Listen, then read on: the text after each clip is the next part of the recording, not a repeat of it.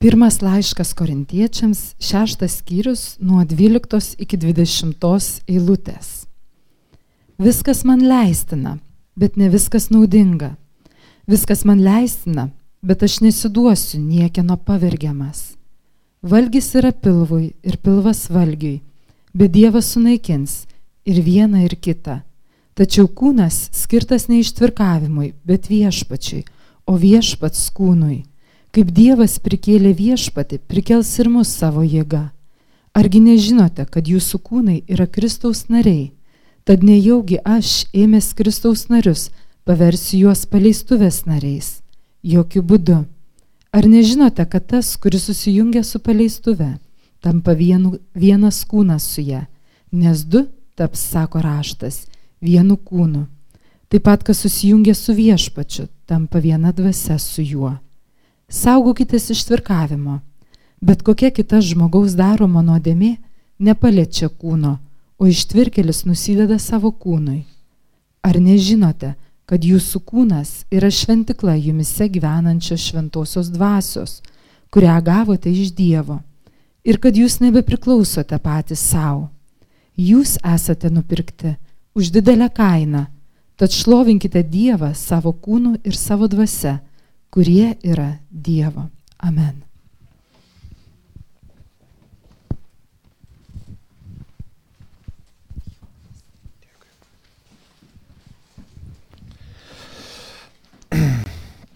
Labas rytas.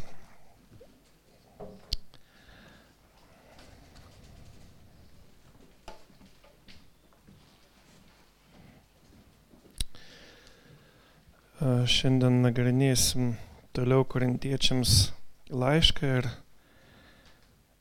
a, tokia tema jinai yra iš tikrųjų, pastorius, kai sakė tokia tema, reikės tiesiog net nepavydėjo man. Tai iš ties, nes sudėtinga norint pasiruošti, pasižiūrėti, a, susirinkti medžiagą. A, iš ties, seksas dabar tapęs yra tokių žodžių, jisai labai populiarus, modernus ir iš ties mes kaip, kaip apie maistą, taip visur žiniasklaidoje ir panašiai mes kalbam tiek dažnai ir tiek daug ir apie seksą.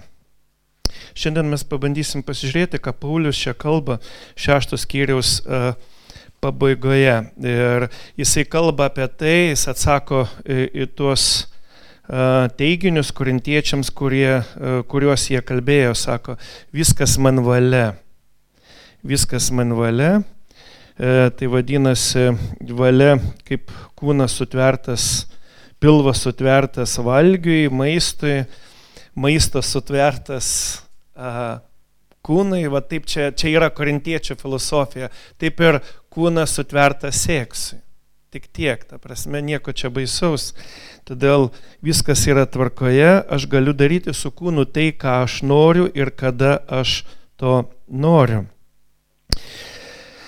Taigi, įdomu tai, e, kad jo, karintiečiai galvoja taip, kad e, jie buvo perėmę graikišką e, supratimą, kad kūnas purvinas, siela tyra ir kad kūno blogi darbai nepaliečia sielas.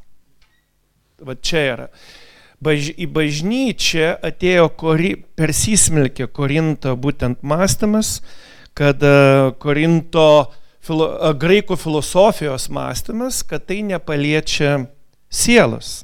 Ką tu nori, tą gali daryti. Uh, būtent Korinto tikintieji, jie tikėjo šventų raštu, Negalvokim, kad jie nežinojo Senojo testamento, jie tikėjo šventų raštu, bet jie tikėdami juo, jie buvo pasilikę mąstymo būdą. Kad tai, kaip sakau, tai nieko bendra nėra su Dievu ir tai nesuteršia jų sielos ir Dievas į tai nesikiša.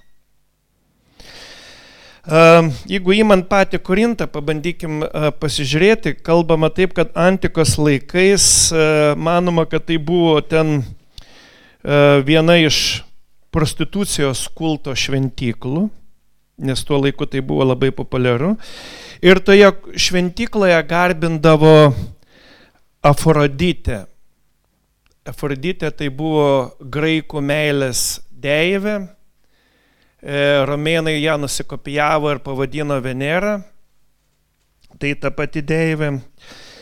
E, graikų geografas Strabo pirmame amžiuje yra paminėjęs, jog kad pirmame amžiuje Afroditė šventykloje buvo apie tūkstantį prostitučių.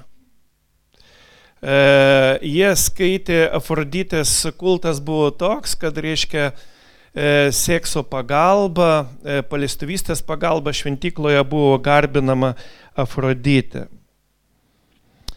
Ir įsivaizduokit, tokiam mieste gyvena krikščionis, pradeda gyventi, įtikit, ne tai, kad pradeda jie gyvena, bet jie persismelkia nuo vaikystės to mąstymo ir jie tampa krikščionimis. Manoma apskritai, kad kalbant apie patį Korinto miestą, kad Korintas jisai e, net centrinę tokią rolę vaidino perdodant graikų kultūrą, nes tai buvo stamestis ir tai buvo labai svarbi vieta ir jis stipriai įtakojo. Atvykę iš kitų tautų žmonės jie perimdavo būtent šitą graikų filosofiją, įvairią filosofiją. Tai vad, mes matom, suprantat, laikui bėgant supratimas jisai ten apie seksą jisai keitėsi pas žmonės e, visuomenėse, skirtingose galbūt net ir, ir valstybėse ir panašiai, jisai niekada nebuvo taip žmonijoje, kad būtų viskas vienodai. Ta prasme, tikima vienodai. Vienais atvejais tai buvo gėris, toks gėris, kurio gali būti per akis. Kitu atveju tai tapo visiškai blogiu, kad seksas yra visiškai blogas Kada tai atsitiko, tai 1215 metais e, Romos popiežius Inokentijus III jis išleido būlę, kurioje buvo nurodyta krikščionim bent kartą į metus išpažinti savo nuodimingas mintis ir įvairiausius žygius. Ir tai buvo susijęs su seksu šeimoje, nes seksas dėl malonumo buvo laikytas uh, ištvirkimu, baisiu ištvirkimu. Ir uh, per išpažinti šventikai turėjo klausinėti uh, žmogaus pagal iš anksto paruoštą klausimyną. Ir, na, seksas šeimoje buvo leistinas tik apribojant bet kokį malonumo norą ir, ir galima buvo tik tada, kai šeimoje abu galėdavo teigiamai atsakyti į tam tikrus paraštus e, bažnyčios klausimus. Pavyzdžiui, keletas iš jų, ar dabar ne pasninko metas, ar dabar nesekmadienis ir taip toliau. Tai vat, žiūrėkit, vat, kaip keičiasi tam tikri dalykai. Ir jeigu kitų atveju buvo nusižengta, turi išpažinti kunigui kaip nuodėmė. Nors ta pati palestuvystė tuo laiku klėstėjo ir šventikų tarp ir visur. Tai vat, e, yra tokie momentai, žiūrėkit, mes matom Korinto e, miestą ir tai, ką Paulius kalba čia, mes matom praėjus virš tūkstančio metų, kaip kažkas bando lyg ir keistis, rašyti taip toliau. E, mes galim stebėti ir pavyzdžiui, paskui atsiranda mm, 1960 metai, nuo kurių prasideda naujas judėjimas ir taip vadinama vakaruose seksualinė revoliucija prasideda. E, ir ją įtakojo, galima sakyti, naujas mąstymo būdas, aš esu pasaulis. Ir laisvė būti savimi pačiu, atviru savo, seksualinio aktyvumo svarbumas. Ir jisai, jisai judėjo, judėjo būtent ir uh, jeigu kalbant apie 1960 mm, metų pradžią, buvo ten tokie trys etapai. Pirma prasidėjo, kad turi būti laisva meilė, toliau gėjų laisvė ir trečias paskutinis etapas buvo laisvas lyties pasirinkimas. E, taip viskas ir nujudėjo. Ir galima sakyti, paleistuvystė visiškai tapo vieša. Seksas pradėjo vis daugiau ir daugiau visuomenėje. Prieš tai jau atsirado Playboyus ir visi kiti žurnalai pradėjo daug spaudoj, televizijai. Viskas pradėjo keistis, tapti viešą ir panašiai. E, ir šiandien manoma, kad vyrauja keturi požiūriai į, į seksą. Tai seksualinis e, realizmas, jisai apibūdinamas taip. Jei nori, tai daryk. Paprastai. Seksualinis platonizmas - seksas tik vaikų planavimui. Seksualinis romantizmas - kad seksas turi tapti kultūros dalimi. Ir taip pat yra krikščioniškas požiūris, kuris nėra vienas iš tų trijų. Jisai nėra, jis yra kitas krikščioniškas požiūris. Taigi, bandysim pažiūrėti e, krikščionišką požiūrį į seksą. Ir Biblija vienas dalykas, e, kalbant ir čia, kai mes matom korintiečiam laiškė, jinai kalba uh, taip, kad mes matom, kad Dievas apie seksą su žmogum kalbasi visai kitaip. Mes norėtumėm galvoti apie seksą kaip gyvūnijos pasaulyje, bet Dievas, jisai žmogui turi daugiau Ir jis kalba, kad tai yra daugiau nei fizinis aktas, ko mes labiausiai turbūt norėtumėm, kad tai tik ir pasiliktų. E, vienkartinis, pagal Bibliją net vienkartinis nuotykis abu asmenius jisai sujungia e, ir jie tampa vienu kūnu. Vienkartinis seksualinis aktas įsujungia. Ir Biblija jinai kalba, kad e, seksas skirtas yra šeimoje. Bet koks nuotykis su šeimos ribų yra nuodėmė, va dabar kaip mes ir skaitėm korintiečiams laiškė, nuodėmė didesnė už bet kokią kitą nuodėmę. Noriu atkreipti dėmesį, kad šeima Biblija laiko ne du mylinčius ir gyvenančius žmonės, kurie augina galbūt gimusius vaikus ir taip toliau, kas šiandien populiaru, bet tik tuos, kurie susituokia. Tie, kurie turėjo santokos sakramentą. Jeigu nebuvo santokos sakramento, tai, yra, tai nėra šeima. Ir mes apie tai truputį irgi pakalbėsim, nors aš apie santoką nekalbėsiu, nes čia daug ta prasme, bet dalinai paliesiu. Nes e, kitas dalykas yra, kad e, jeigu žmonės gyvena nesantokai mūsų bažnyčiose, svarbu mums kaip tikintiesiems a, nesmerkti žmonių. Mes mėgstam labai smerkti žmonės, kur, kurių nuodėmės yra matomas. Vat jeigu aš esu kitoks negu tu, Ir aš matau, kad tu turi nuodėmę, man taip norisi bažnyčia tave smerkti. Tai rodo mūsų kietumą. Mes taip norim, mes taip norim būti tie gerieji fariziejai, kurie ateinam į šventyklą melstis Dievui ir sakyti, kokie mes buvom šią savaitę geri. Bet Jėzus sako, išteisintas išėjo tas muitininkas, pasakęs tik vieną žodį, ten keletą žodžių, Dieve, pasikalėk manęs nusidėlio o tu atėjai be nuodėmės išėjęs nuodėmė. Jo, tai mes uh, atsiminkim taip, kai mes kalbam kai kurios dalykus, aš noriu, kad mes būtumėm brandus krikščionis. Ir, ir, ir ta prasme, galbūt mes savo artimuose giminėse dar kažką pažįstam. Mes neturim uh, badyti ir panašiai. Galbūt yra galimybės kalbėti ir taip toliau. Bet uh, Bet kuriuo atveju mes turim mylėti, pirmiausia mylėti. Bet tai nepakeičia to dalyko, kas yra nuodėmė. Biblija laiko seksą šventu ir apie tai aš galėčiau nedaug kalbėti, jeigu nepadėtų man Timo Kellerio mintis. Tai a, dabar aš pasidalinsiu daugiau Timo Kellerio mintimis. Kodėl seksas yra šventas Biblijoje? Pirmas dalykas, kad Dievas jo dėka kūrė naują sielą. Ir Biblija taip pat skatina kurti šeimas, jeigu mes žiūrėsim plačiai į Bibliją, jinai skatina. bet jinai neforsuoja ir jinai nesako, kad e, tik vienintelė žmogaus prasme šitoje žemėje yra turėti šeimą. Prasmių yra labai daug. Žmogus taip pat labai gerą prasme gali turėti gyvendamas ir vienas. Todėl noriu pasakyti, kad tai nėra vienintelė tik tais galimybė. Nes jeigu žmogus yra vienas, jis gali be rūpešių tarnauti Dievui ir apie tai taip pat kalba Naujajame testamente. Seksas yra šventas, nes tai yra dovanojimas savęs su meile kitam.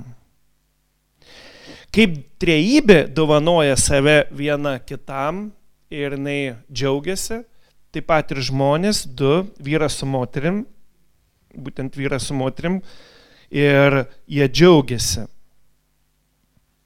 Paskaitysiu keletą rašto vietų. Paterlių penktos skyriaus 18-20 eilutė, žiūrėkit, ką Biblija kalba apie, apie seksą šeimoje. Paterlių e, penktos skyriaus 18-20 eilutė rašo taip. Te būna tavo šaltinis palaimintas ir džiaugis su savo jaunystės žmona ji kaip miela stirna, kaip grakšti elnė. Tegul jos krūtis tenkina tave visą laiką, nuolat mėgaukis jos meilę. Mano sunau, kam tau mėgauti svetimą moterimi ir apsikabinti su svetimąją? Labai tokie intimus žodžiai parašyti Biblijai. Matot, kaip tai Dievui yra svarbu. Nereikia uh, gėdintis ir panašiai. Dievui tai yra svarbu, yra svarbus dalykai, kurie užrašo. Pakartoto įstatymo 24 skyriui 5 eilutė kalbam apie karą, kas turi eiti į karą. Ir čia parašyta, ką tik vedęs vyras bus atleistas nuo karo tarnybos ir nebus jam pavestos kitos pareigos. Jis liks namuose vienerius metus pralinksminti savo žmoną arba džiuginti savo žmoną, kitas vertimas. Matot, koks požiūris vat, Biblijos į šeimą. Ir žiūrėkit, vyras pasilieka džiuginti savo žmonos, ta prasme, koks požiūris ir į moterį, kad vyras ir moteris yra lygus, o ne kažkur kažkas aukščiau, kažkas žemiau. Iš ties tai taip, kai Dievas ateina savo meilę, jisai sustato viską į savo vietas. Seksas, trečias dalykas, yra šventas sako Timas Kelleris, nes tai yra sekso sąjunga. Susijungimas. Du žmonės tampa vienu kūnu po sekso. Ką tai reiškia? Kelleris aiškina, kad tai reiškia, kad seksas sukuria gilų intimumą, atvirumą ir bendravimą tarp dviejų žmonių. Kai tuo tarpu seksualinis romantizmas teigia, jog e, seksas yra savęs išraiška, savęs išreiškimo būdas, Biblija kalba, kad tai yra savęs dovanojimas. Uh, taigi, kad dovanoti vienas kitam intimumą, žiūrėkit, kad mes galėtum dovanoti vienas kitam intimumą, štai ko Dievas reikalauja - viešos sandoros santoka yra privaloma.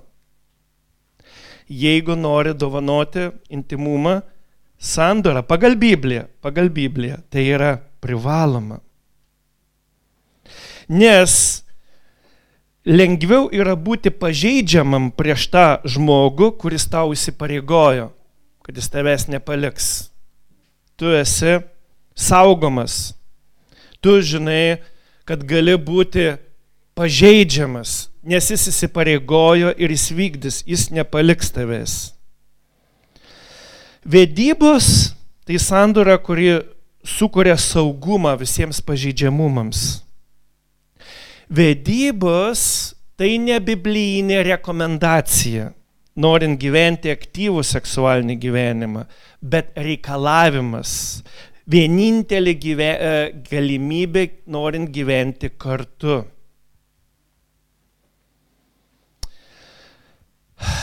Žiūrėkit, sandoras su Kristumi mes turėsim šiandien uh, viešpatės vakarienę, duonos laužimą.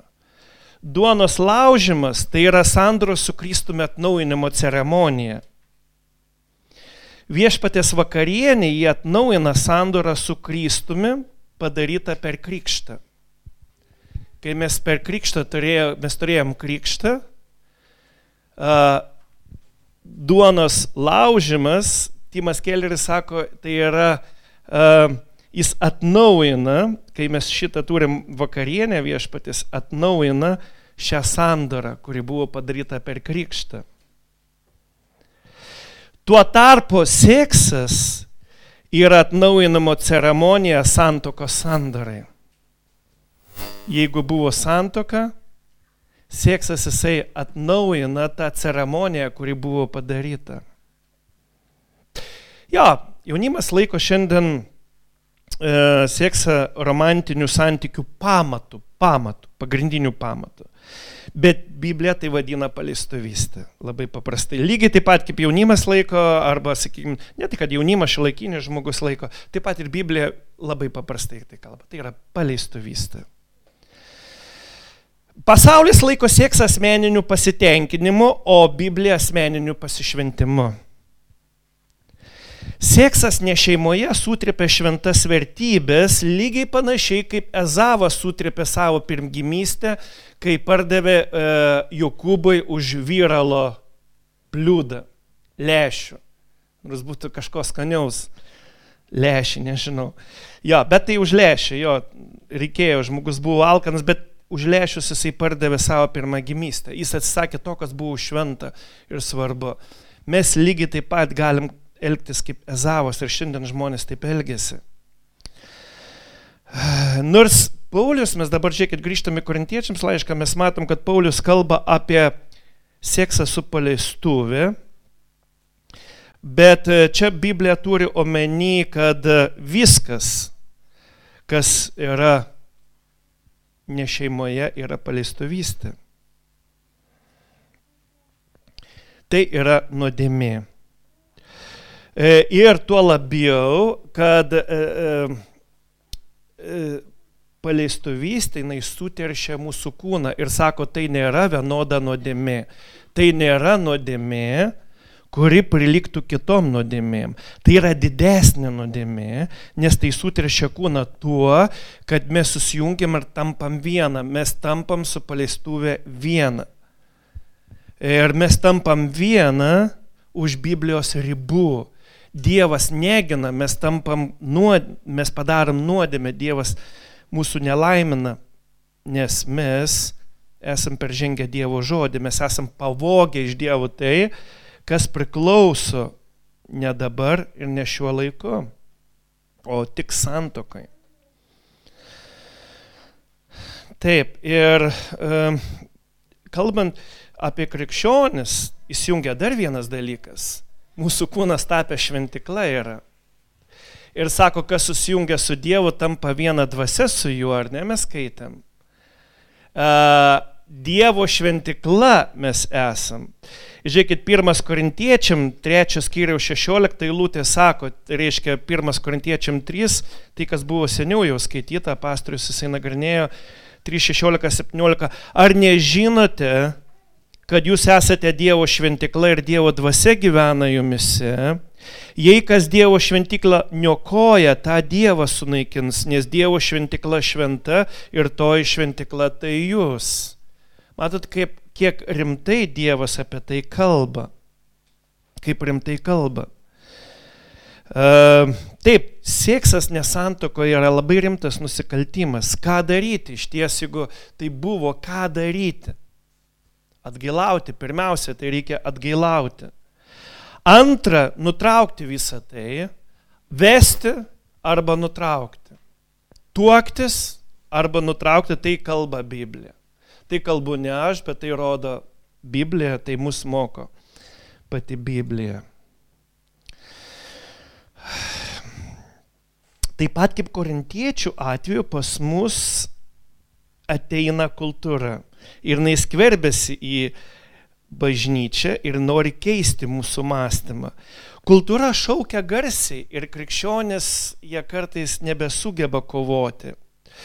Kaip ir išėjimo iš Egipto atveju buvo labai panašus dalykas, kad kai iš Egipto tauta išėjo su Dievu į pažadėtą žemę, jie kartu įsinešė Egipto dievus, veršius. Ir tie veršiai paskui sužaidė, veršis e, jautis, būtent vienas iš dievų buvo, taip, vienas buvo ten iš dievų Egipte. Kai jie išėjo vienu metu, jis sužaidė E, pagrindinę rolę. Kai Mozė išėjo ant kalno, jie Mozė buvo vos ne kaip Dievas ir Mozės nebebuvo, nebebuvo į ką žiūrėti, nebebuvo kaip to matomo, jiem reikėjo pasidaryti veršius, kurie jau jų širdyje buvo visą laiką nuo jų išėjimo. E, mūsų e, E, skylės mumise, nuodėmės arba tos vietos, kurių mes netvarkam savo širdyje, vieną dieną kritinių momentų mus nusineša, mus pasieba.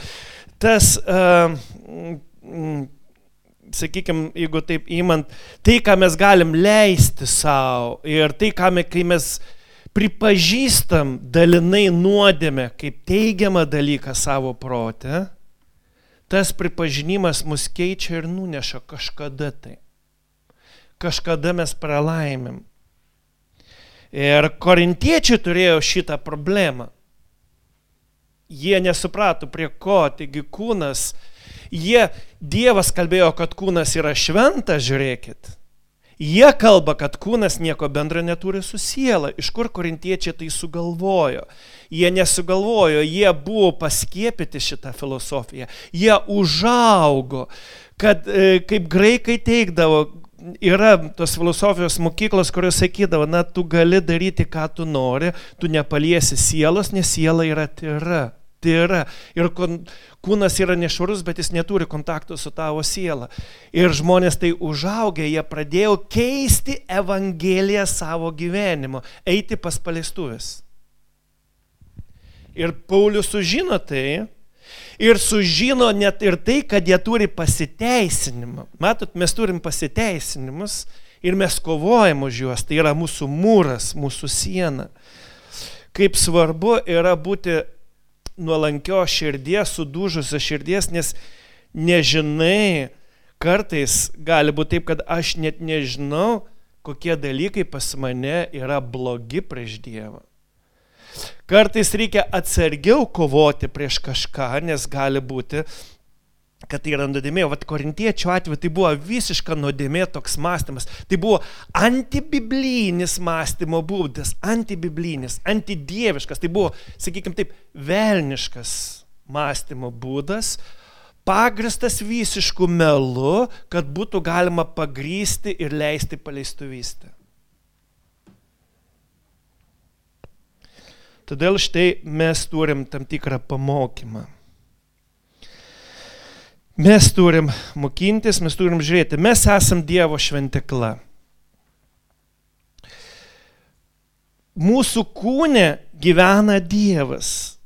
Įdomu tai, kad dangus netalpina Dievo, bet Dievas talpinasi mūsų kūne. Senajame testamente buvo vieta šventyklai fizinė. Šiandien ta vieta yra tavo ir mano kūnas. Nuostabu tai.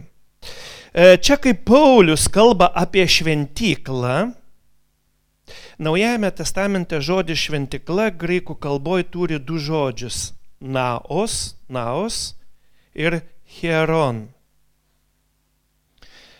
Hieron žodis reiškia šventyklos pastatą su visais kiemais, o naos reiškia šventąją vietą, į kurią ateina tik kunigas.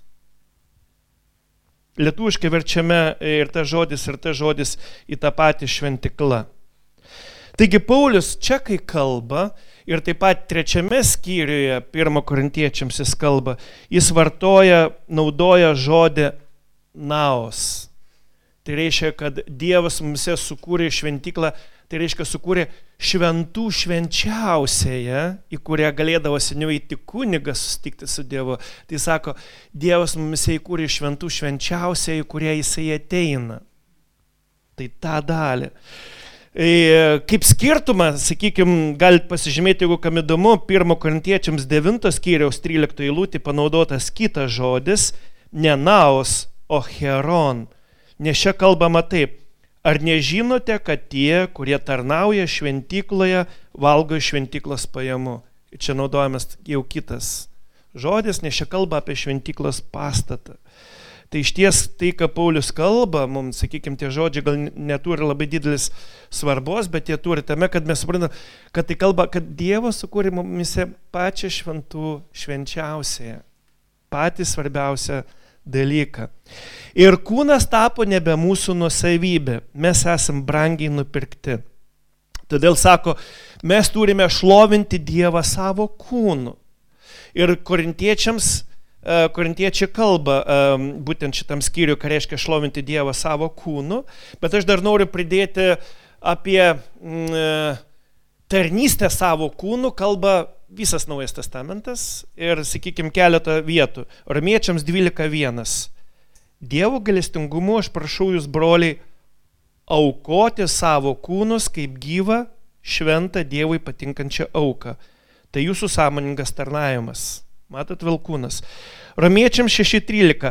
Neduokite nuodėmį savo kūno nariu, kaip neteisumo ginklu, bet paveskite save Dievui, kaip iš numirusių atgyjusius. Antras Timotiejų 2.21. Jeigu kas apsivalis numinėtų dalykų, bus indas skirtas garbiai. Tito 3.1 būtumėte pasiruošę kiekvienam geram darbui. Taigi Dievo šlovinimas savo kūnu tai yra labai svarbus dalykas. Ir korintiečiams va šitam šeštam skyriui Paulius tai išgrynina, dar kartą pasako, kad mes šlovintumėm Dievą savo kūnu. E, jeigu, ką reiškia Paulius, ką jis turi omeny čia, kalbėdamas šlovinti Dievą savo kūnu, tai pirmiausia turi e, omeny krikščionims susilaikyti nuo paleistuvystės. Pirmiausia, jis kalba nuo susilaikymo paleistuvystės ir kartu jis kalba apie veiksmą, kad kūnas gali dalyvauti Dievo darbuose ir šlovinti jį, garbinti. E, taigi, mes turim susilaikyti nuo nuodėmių ir daryti Dievui gerus darbus. Nes žiūrėkit, dar kartą kartoju, kūnas nebėra mūsų nusavybė ir tai žiūrėkit, mums krikščionim šiandien, aš manau, tai nėra lengva suprasti. Nes toks supratimas, jis nelabai kažką gero mums duoda iš vienos pusės. Supranti, kad a, kažkas kitas nori būti atsakingas už mano veiksmus ir rodyti, ką aš turiu veikti kaip aš turiu gyventi ir kas nori. Bet čia aš kalbu ne apie visus mus, nes e, taip pat ir um, eina įrašas į YouTube ir Facebook, galbūt daugiau yra stebinčių, aš kalbu apie krikščionis, kurie yra pažinę Kristų, apie krikščionis, kurie atidavė gyvenimus Kristui, jų kūnas yra Dievo nusavybė, bet ne visų žmonių kūnas yra Dievo nusavybė. Ką reiškia Dievo nusavybė? Štai vienas pavyzdys.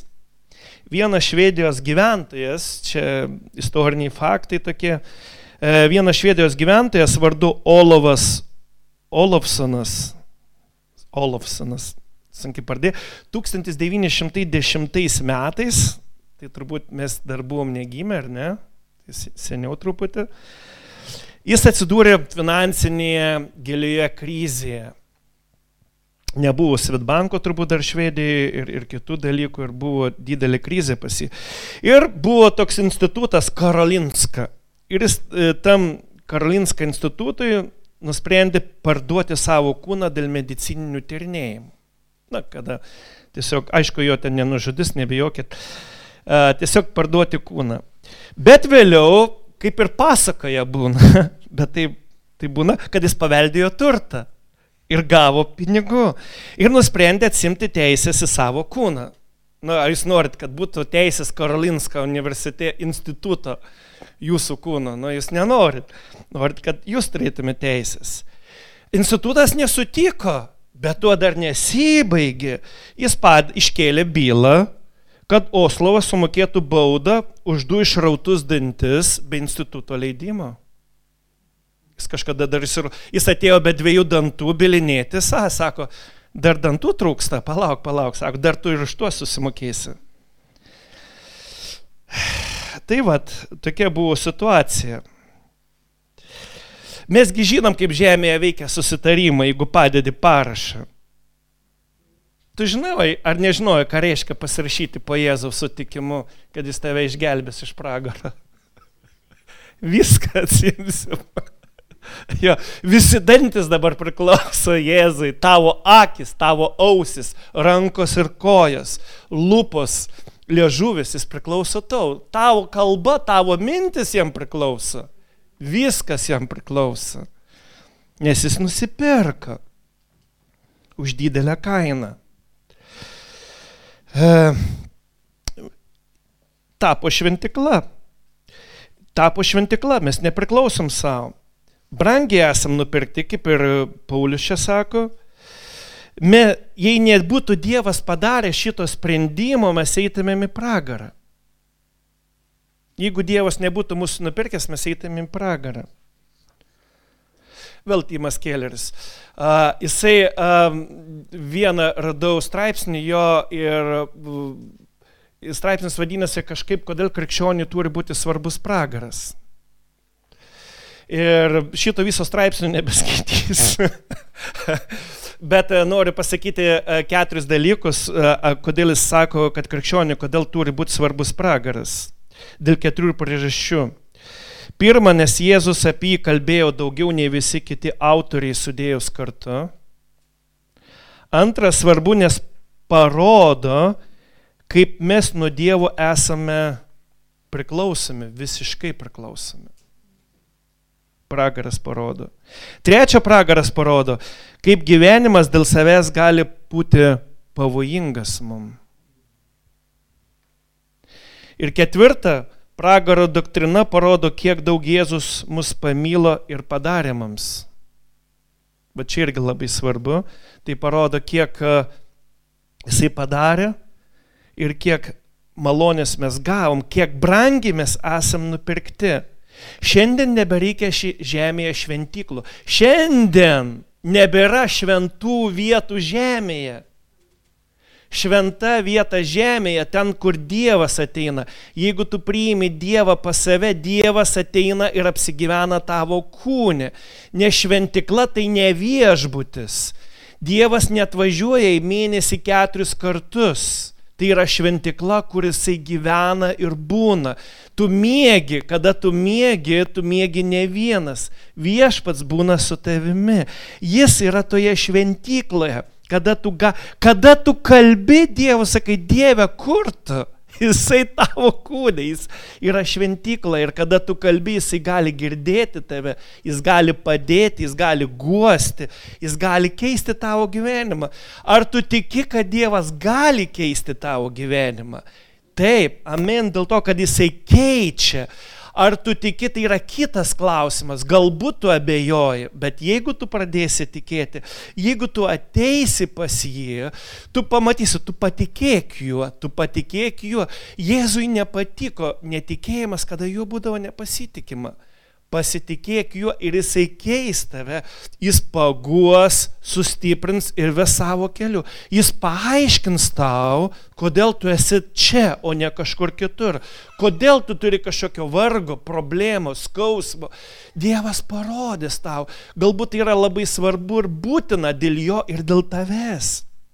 Nes Tavo kūnas tampa jo šventikla ir jis nori, kad tu vykdytum, kad tu tarnautum jam, kad savo kūną reiškia, įsivaizduokit, mūsų kūno geri darbai, kada mes darom gerus darbus, jie tarnauti gali Dievui, jie gali padėti šlovinti Dievą. Ir Mes pašaukti garbinti taip Dievą, nes mes nupirkti.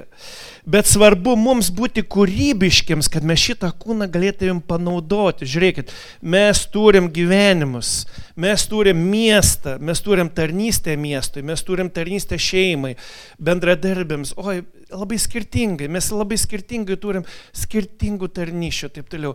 Ir Dievas kalba, bet kūnų šlovinky, kaip tu kūnų šlovini, ne ant scenos būdamas vien tik tais ir tai garbini lūpomis, bet tai reiškia tavo veiksmus, gerus darbus. Dievui tai patinka. Įsivaizduok, tu padarai gerą darbą, dangus sužino tai, nes tai būna pagarbintas Dievas. Dangui svarbiausia yra Dievas, angelai garbina Dievą ir tai būna nuostabu, kai kažką mes darom gerą. Todėl darykim gerą. Šito korintiečiams aš baigiu, noriu dar e, patikslinti svarbiausią mintį, kad darykim gerą. Labai paprasta mintis, darykim gerą.